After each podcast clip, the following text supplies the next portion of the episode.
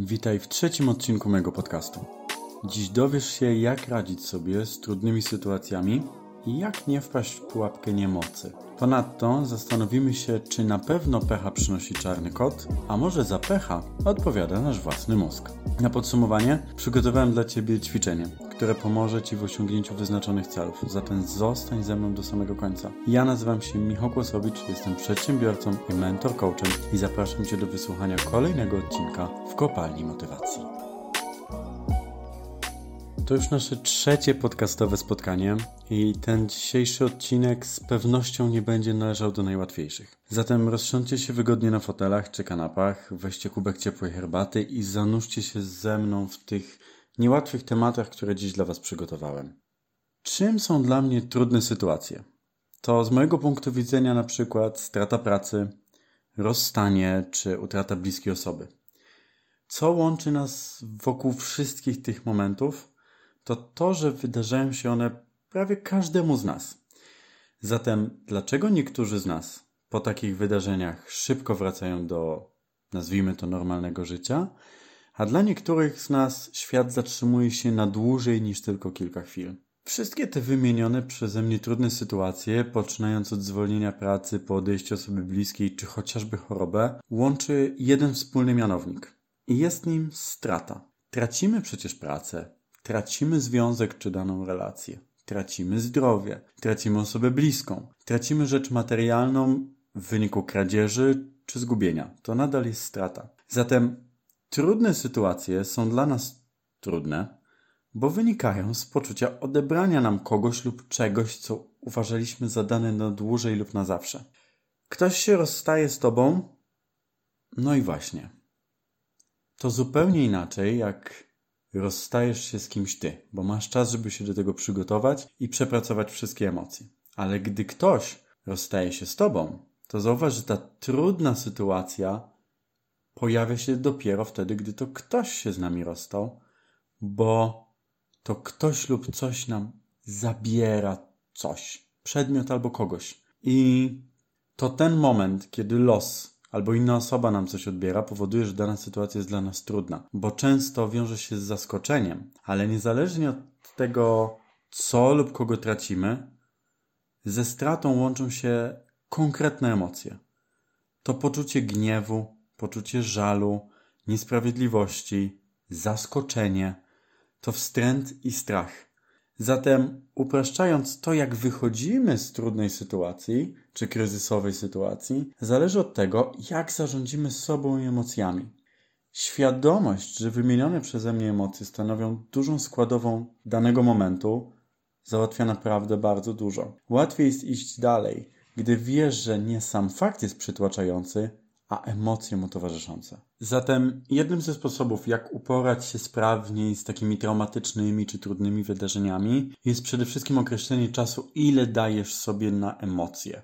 To jest um, w ogóle taki krok. Oprócz świadomości tego, że trudna sytuacja w dużej mierze składa się z emocji właśnie, to drugi aspekt to ile czasu dajesz sobie na pielęgnowanie w sobie tych emocji. W przypadku chyba najtrudniejszego wydarzenia, czyli śmierci albo rozpadu związku, Ile czasu dajesz sobie na żałobę? Żałobę rozumianą jako w moim mniemaniu przeżywaniu emocji, smutku, żalu, poczucia straty. Ile chcesz w sobie pielęgnować te uczucia?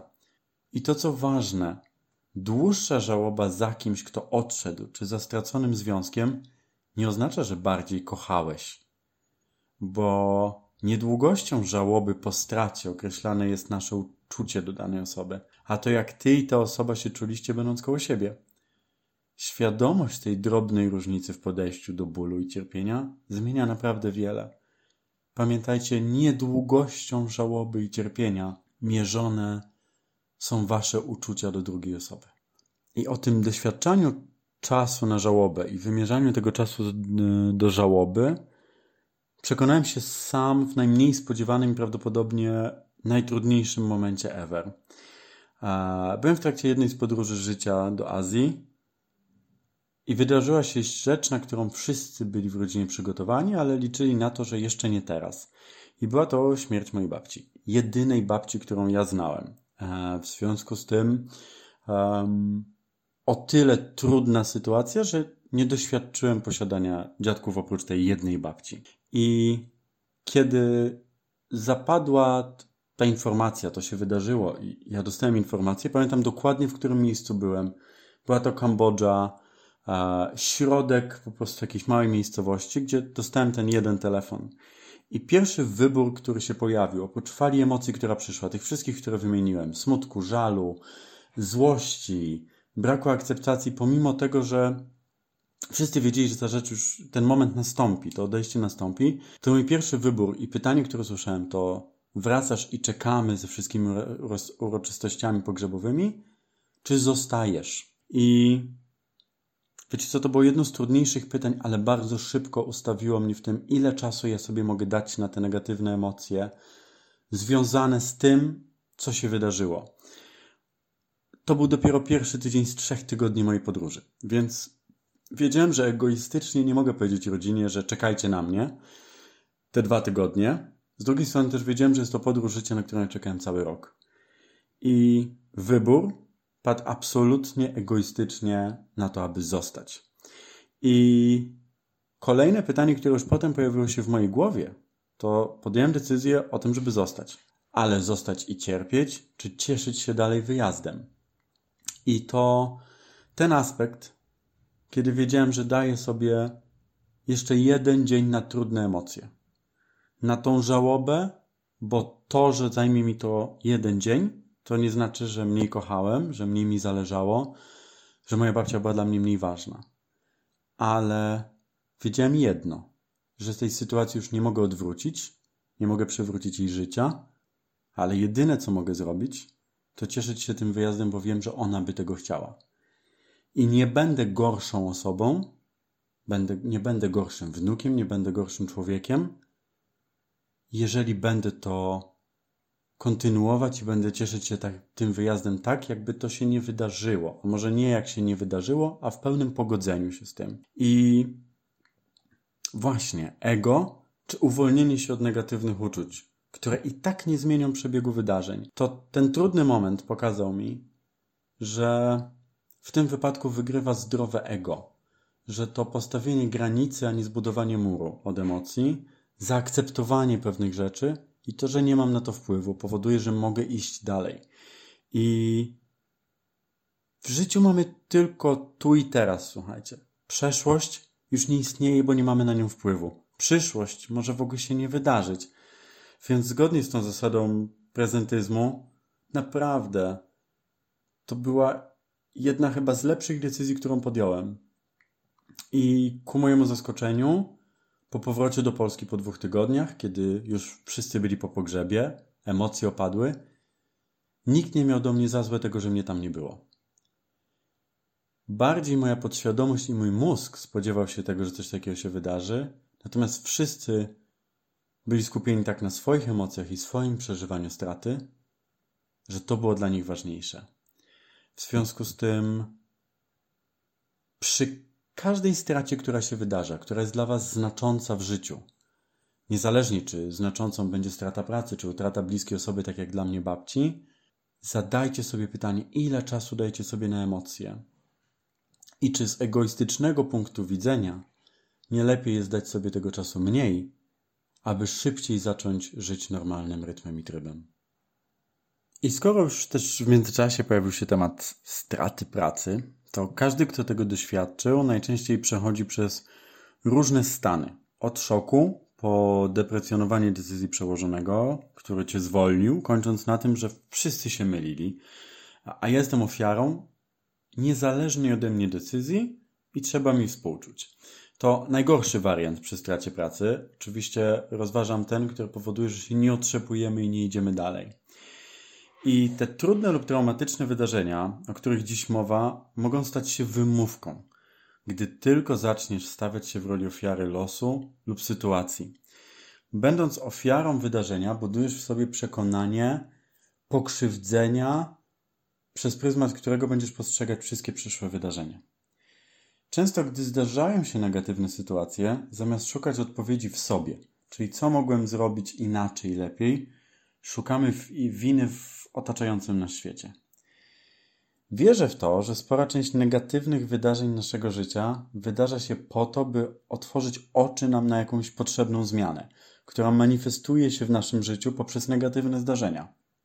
To wiecie, to jest tak jak, nie wiem, permanentnie tracisz pracę. Twoje związki rozsypują się po prostu jak domki z kart. Non-stop, każdy jeden. Inny partner, partnerka, związek nadal się rozsypuje. Twoje zdrowie jest w rozsypce. Non-stop na coś chorujesz. Czy chociażby nie wiem, wypadek samochodowy. takie rzeczy, które pojawiają się niby losowo, ale jednak moim zdaniem mają nam na coś zwrócić uwagę. Nic nie dzieje się bez przyczyny. Natomiast gdy takie rzeczy się już wydarzają, czy na przykład cykliczne, to o czym wspomniałem, permanentne tracenie pracy, czy rozpadanie się związków, to bardzo często poszukujemy winy na zewnątrz. Szef był zły, partner nie docenił, choruje, bo pogoda jest zła, bo przecież idzie jesień, Wszystkiemu winne są czynniki zewnętrzne. Ale czy naprawdę, jeśli pracę tracisz trzy razy w ciągu roku, to wszyscy trzej różni szefowie są tacy źli? Wiecie, takie zewnętrzne poszukiwanie winnych buduje w nas, tak jak wspomniałem, bardzo mocną ofiarę i, osoba, które, i osobę, która sama zamyka się w takim kręgu pecha. Bo łatwiej jest mieć pecha, czyli coś niezależnego ode mnie, jakąś klątwę rzuconą na mnie przez sąsiada czy nieszczerą przyjaciółkę, niż wygo- wykonać tą pracę nad wglądem w siebie i przejrzeć swoje działania. Wiecie, ryzyko wynikające z bycia w tym kręgu złych emocji i pecha to to, że im dłużej w nim jesteś, tym mocniej buduje się i zakorzenia Twoje przekonanie o bezsilności w obliczu wszechpotężnego losu. Serio.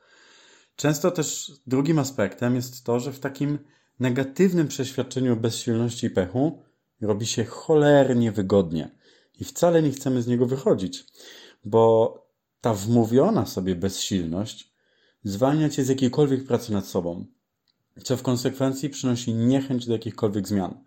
Bo skoro i tak los się na mnie uwziął, Szefowie są źli i praca jest zła. Związki są bez sensu. Nie wchodzę w nie, bo one się rozpadają, czyli przynoszą mi same zło.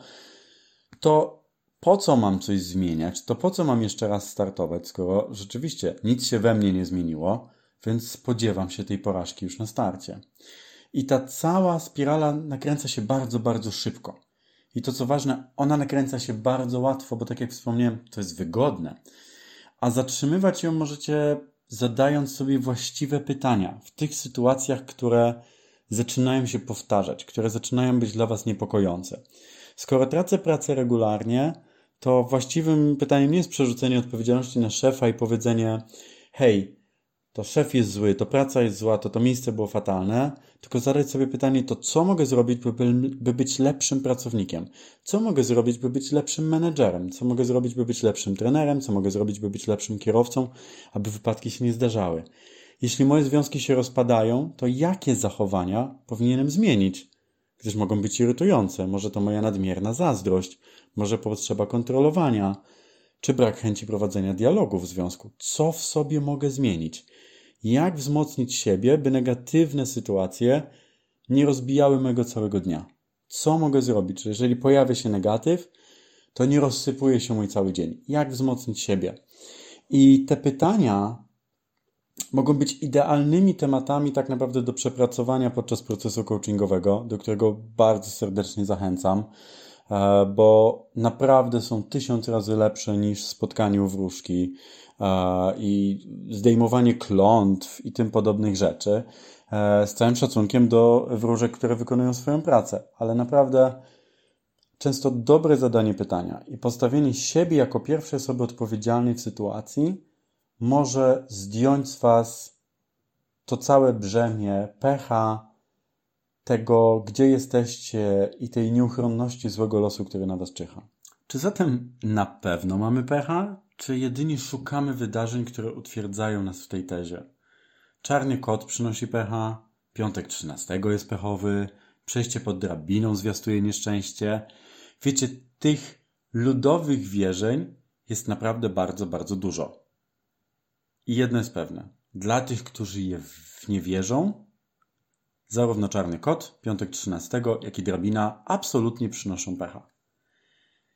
Bo tak naprawdę, gdy widzisz ten obraz czarnego kota, drabiny i tak dalej, podświadomie zaczynasz wyszukiwać potwierdzenia nadchodzącego pecha w codziennym życiu. Zaczynasz grę w trochę oszukać przeznaczenie filmowe, w którym, jak wiemy, zarówno jak w filmie, tak i w życiu, wiesz, że i tak pech nadejdzie, więc klęska jest nieuchronna. Gdy czarny kot przebiegnie ci drogę, skupiasz uwagę na tym, by tak bardzo nie mieć pecha, że coś się w końcu wydarza.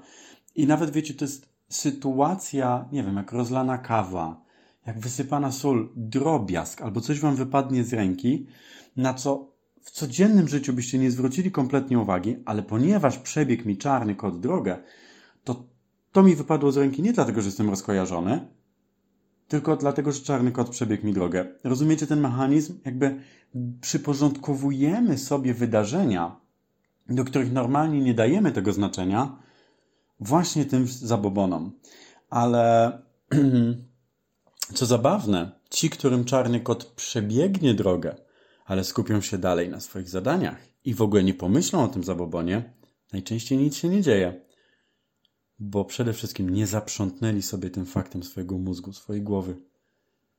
To, czym zaprzątasz i karmisz swój mózg, to zaczynasz przyciągać mimochodem. To jest trochę tak jak, nie wiem, z kupnem samochodu. Ci z Was, którzy tego doświadczyli. Oglądacie jakiś samochód, spodobał Wam się i nagle na ulicy wszędzie widzicie to auto. Dlaczego? Bo myślicie o tym samochodzie, który chcecie kupić. W związku z tym wszędzie na drodze zaczynacie zwracać uwagę na ten samochód. Było ich zawsze tak samo dużo, czy tak samo rzadkie były, ale dla waszego mózgu nie były istotne. W związku z tym nie zwracacie na nie uwagi. Ale w momencie, kiedy jesteście blisko zakupu i pojawiają się emocje, tak jak w przypadku czarnego kota, który ma przynieść pecha, to nagle przyciągamy pecha, bo zaczynamy zwracać uwagę na te małe poślizgnięcia i drobiazgi. No dobra, ale aby jeszcze lepiej pomóc Wam zrozumieć mechanizm tworzenia się pechowej sytuacji w naszych głowach przede wszystkim, to poproszę Was teraz o chwilę stuprocentowego skupienia. Chciałbym, by polecenie, które zaraz wypowiem, było dla Was jasne, więc powtórzę je kilkukrotnie. Za chwilę wymienię nazwę przedmiotu lub zwierzęcia, o którym poproszę, abyście nie myśleli. Powtarzam, abyście o nim nie myśleli.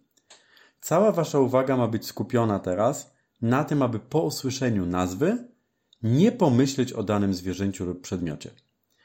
Mam nadzieję, że to jest dla was jasne i jesteście gotowi. A zatem, proszę, abyście nie myśleli o wielkim białym słoniu. Nie myślcie o wielkim białym słoniu. Prawdopodobnie każdy z Was zobaczył chociaż przez milisekundę wielkiego białego słonia oczami swojej wyobraźni. Ups, i teraz jak powiedziałem znowu wielki biały słoń, a i znowu, wielki biały słoń na pewno pojawił się w waszej głowie, w waszej wyobraźni, za każdym razem, kiedy mówię wielki biały słoń, bo jesteście na nim skupieni. Zabawne, przecież miałeś nie myśleć o wielkim białym słoniu. A jednak. Zatem o co chodziło z tym ćwiczeniem? Otóż nasz mózg podczas procesowania informacji, które my dostarczamy dzięki zmysłom, takim jak słuch, wzrok, węch, dotyk, nie słyszy słowa nie. Procesuje każdą informację, tak jak w przypadku wielkiego białego słonia, który wam przed chwilą dałem, który był abstrakcyjnym zwierzęciem, ale pojawił się w waszej głowie. Niezależnie, czy ta informacja jest dla was dobra czy zła, to, na czym skupicie swoją uwagę, jest procesowane przez was mózg a to, co ignorujecie, jest usuwane. Zatem to wcale nie czarny kod przynosi pecha, a znaczenie, które nadajesz przetworzonej w mózgu informacji jest tym, co przyciągasz. Gwarantuję wam, że każdy, kto wierzy w pecha, będzie go miał. Każdy, kto widzi jedynie zwierzę, będzie miał dalszy dobry dzień. Tak samo się dzieje gdy wpadasz w ten zaklęty krąg pecha. Jeśli wierzysz, że nie dasz rady, to nie dasz rady. Jeśli wierzysz, że twoja sytuacja jest beznadziejna i bez wyjścia, to tak też będzie. Bo wszystko zależy od ciebie i tego, jak postrzegasz siebie, swoje otoczenie i to, co wydarza się wokół ciebie. I słuchajcie, bardzo łatwo mi wyłapać w rozmowie osoby, które są w tym zaklętym kręgu pecha. Otóż um, Często ktoś do mnie pisze, odzywa się mówi: Hej, bo ty masz takie fajne życie, podróżujesz, w ogóle jesteś trenerem, prowadzisz podcast, wow, też bym tak chciał mieć. Czy chciała mieć? I ja na to bardzo szybko i zupełnie szczerze odpowiadam, hej, mogę Ci pokazać, jak to zrobiłem i jak z każdym przepisem na ciasto. No, masz składniki, zrobiłem to tak i tak, masz przepis, jak to zrobić, więc z założenia może nie wyjdzie identyczne życie, ale, bo to niemożliwe, ale wyjdzie Ci podobny efekt, no bo jeżeli powtórzysz moje działania, to, to powinno się tak wydarzyć. I wtedy ta osoba natychmiast traci ten chmury optymizm i mówi, a wiesz, bo mnie to się i tak nie uda, bo a, bo to już za późno, a, bo coś. I wiecie, wtedy mówię, hej, nie, no właśnie, dostaniesz przepisy, dostaniesz składniki i go, masz to osiągnąć. I to jest ten moment, kiedy zapala się lampka, hej, ta osoba jest w kręgu pecha i tego, że fajnie jest innym, ale mnie i tak się nie wydarzy. I wcale to słowo się nie pojawia i ten komplement po to, żeby zrobić mi miło, czy, czy zrobić sobie miło, tylko żeby po to, żeby sobie uświadomić, że gdzieś nie dojdę.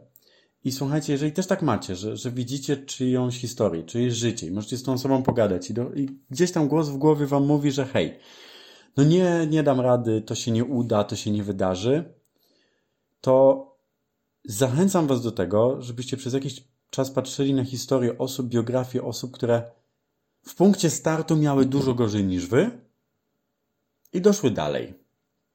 I jakby mogą mieć jakby kwestii fizycznych gorzej, czy mentalnych gorzej, czy w ogóle urodzeniowo-pochodzeniowych, jakichkolwiek, ale wyszły jakby z gorszego punktu niż wy jesteście dzisiaj. I takie historie oczywiście nie są magicznym rozwiązaniem i nie pomogą wam w na pstryknięcie palcem i nagle nie zaczniecie realizować swoich celów i marzeń. Tylko chodzi o to, żeby na przykładzie faktów i rzeczywistych osób zacząć zbijać tego waszego wewnętrznego krytyka, wypychać was z tego kręgu pecha, pokazując nie tylko tych najlepszych, bo, bo wtedy będziecie mieli to poczucie, a nigdy tam nie dojdę, ale żebyście widzieli tych, którzy zaczynali z jakiegoś bardzo słabego punktu i doszli w niesamowite miejsce. I czytanie biografii takich osób też może być bardzo pomocne. Osobą, która przychodzi mi do głowy, słuchajcie, chociażby Nick Wójcic. Nie wiem, czy znacie, to jest trener motywacyjny, przedsiębiorca. Facet, który się urodził bez rąk i nóg. To jest sam kadłubek z głową. I wyobraźcie sobie, jak bardzo ten chłopak miał przerąbane w szkole, w dzieciństwie, w dorosłym życiu. Kiedy zaczynasz i co robisz i, i on się nie poddał, ma cudowną rodzinę, ma piękną żonę, ma dzieci, ma wspaniały dom. Zwiedził cały świat. Mając tak niesamowite ograniczenia fizyczne, ale to, co pozwoliło mu to osiągnąć, to absolutnie nieograniczona wyobraźnia i nieograniczona głowa. A jedyną osobą, która może ograniczyć siebie, jesteśmy my sami i nasze umysły. To tak jak w przypadku tego czarnego kota. To, co chcesz postrzegać, to się zwizualizuje w Twoim życiu, bo na to będziesz zwracać uwagę. Więc, drodzy, zachęcam Was do tego, żeby robić sobie takie przeglądy, żeby wyciągać takie historie, nie żeby powiedzieć sobie, hej, hmm, wcale nie mam tak źle, bo inni mieli gorzej, tylko właśnie powiedzieć sobie, hej, nie mam takich obciążeń i jeszcze nie jestem tam, gdzie ten gościu. Czy nie jestem tam, gdzie ta dziewczyna. A mógłbym być, więc co mogę zrobić? I tu znowu kłania się fajne coachingowe pytanie na sesję. Co mogę zrobić, by zmienić swoje życie, by iść do przodu? A zatem trochę to zbierając i reasumując, bo tych wątków pojawiło się dzisiaj bardzo, bardzo dużo i wszystkie niełatwe. Więc też zachęcam Was do tego, żeby kilkukrotnie przesłuchać ten podcast, żeby wyławiać sobie to, co dla Was jest ważne i istotne. Więc e, jeszcze raz, reasumując. Będąc w trudnej slash kryzysowej sytuacji, to Ty wybierasz, ile czasu dajesz negatywnym emocjom i ile czasu zamierzasz pielęgnować w sobie tę stratę.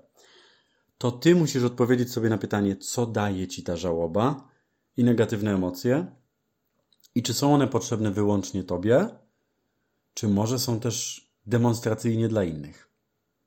Jeśli coś nie idzie w Twoim życiu, po Twojej myśli, tak jak sobie wyobraziłeś, to na początku poszukaj w sobie, zamiast obarczać innych winą za Twój zły los i pech.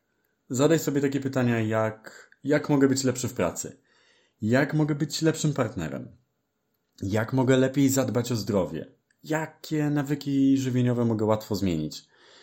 I tu znowu się kłania, słuchajcie, może okazać się bardzo pomocny coaching indywidualny, aby przejść przez te zmiany bezpiecznie i pod kontrolą, aby nie popaść z drugiej strony w obwinianie siebie i ciągłą niedoskonałość, ale, o niedoskonałości będziemy pewnie rozmawiać w innym odcinku. I pamiętaj, mózg chłonie wszystko, ale to ty jesteś filtrem, który decyduje, co zrobić z tymi informacjami.